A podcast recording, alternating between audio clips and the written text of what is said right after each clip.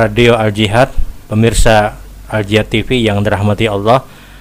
Kembali pada kesempatan hari ini insya Allah kita akan menjawab pertanyaan yang sudah dihadirkan. Assalamualaikum warahmatullahi wabarakatuh. Waalaikumsalam warahmatullahi wabarakatuh. Pada satu kondisi kami dalam keadaan safar keluar kota. Setelah itu kami diharuskan untuk berkegiatan acara di luar lapangan seharian. Saat waktu sholat teman saya ada yang sengaja menunda sholat dengan beralasan badannya tidak suci karena keringat di badan dan ada kepercik najis air kencing di pakaiannya.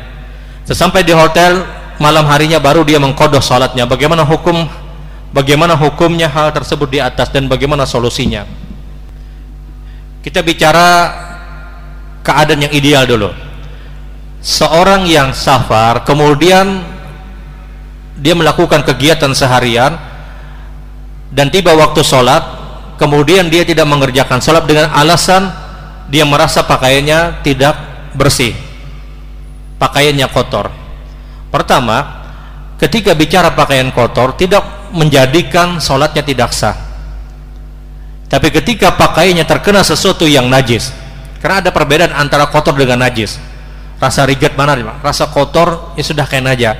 Kalau dia menunda dengan pakaian kotor tersebut kemudian dia tunda sholatnya orang ini pasti berdosa pakaian kotor tidak menjadikan dia boleh untuk menunda sholatnya karena dia mungkin tidak punya pakaian lagi maka dia pakai saja pakaian tersebut. Pakaian kotor tidak menjadikan tidak sahnya sholat seseorang. Bahasan ulama hanya berkaitan dengan najis. Bahasan ulama hanya berkaitan dengan najis. Anggap misalnya orang ini berada pada keadaan najis. Mohon maaf sebelum kita bicara orang ini berada dalam keadaan najis apakah fakta hukum itu memang najis atau tidak dari mana dia tahu najisnya? Kalau tahu seandainya mungkin dia merasa mohon mau terkena air kencingnya, maka dicukupkan hanya dengan apa? Dia ambil air kemudian dia basahi bagian yang terkena selesai dan hukumnya adalah bersih. Kada perlu dia mengambil sabun kemudian mengucap dan yang lainnya tidak.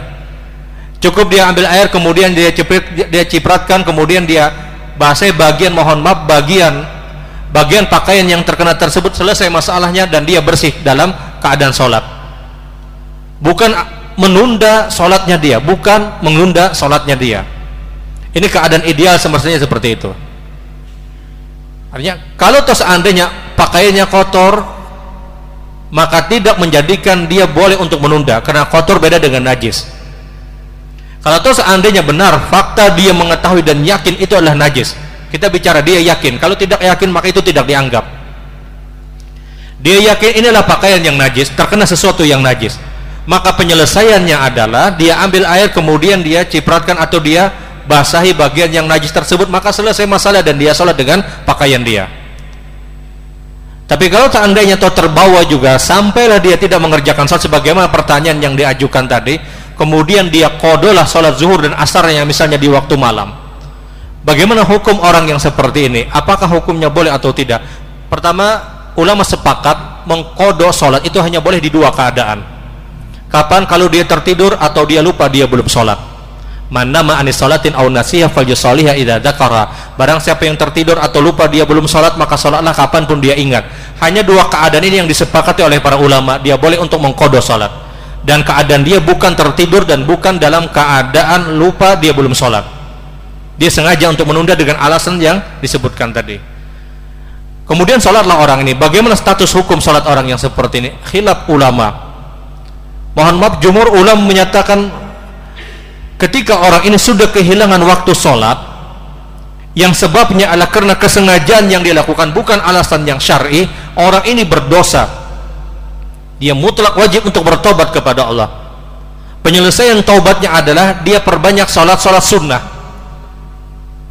Sebagaimana keumuman hadis Nabi Shallallahu Alaihi Wasallam awal ma yuhasabu nafsu yaumil qiyamah as-salah yaqulu Allah jalla wa ala lil malaikatihi wa wa alam unzuru li abdi atama wa in qassa minha syai fa in kana tamatan kutiba lahu tamatan wa in kana in minha syai unzuru halil abdi huwa min tatawu fa in kana tatawun atama man minha dzalik wa amum ala dzakum intinya adalah ketika terjadi kekurangan pada perkara yang wajib sempurnakan pada perkara yang sunnah.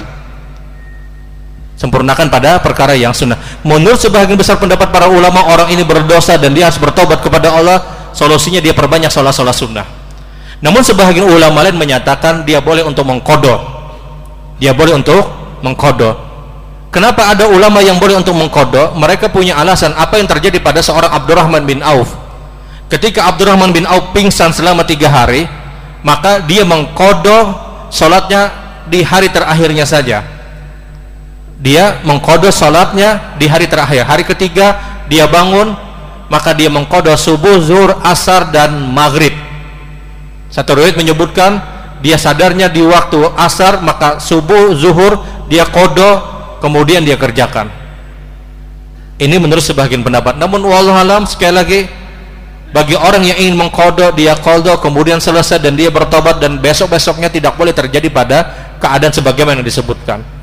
Tapi jumur ulama berpendapat dia cukup untuk memperbanyak sholat sholat sunnah. Wallahualam ini khilaf. Kenapa? karena kodok bukan pada tempatnya.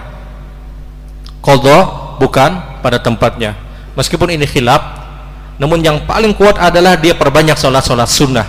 Dia perbanyak sholat-sholat sunnah. Karena kesalahan dia adalah ketika itu semestinya dia bisa mengerjakan sholat pakaian kotor sah sholat dengan pakaian kotor. Pakaian terkena sesuatu yang najis tinggal dia bersihkan selesai kemudian dia sholat kalau seandainya dia tidak punya ganti dari pakaian tersebut. Kalau seandainya dia tidak punya ganti dari pakaian tersebut. Wallahu alam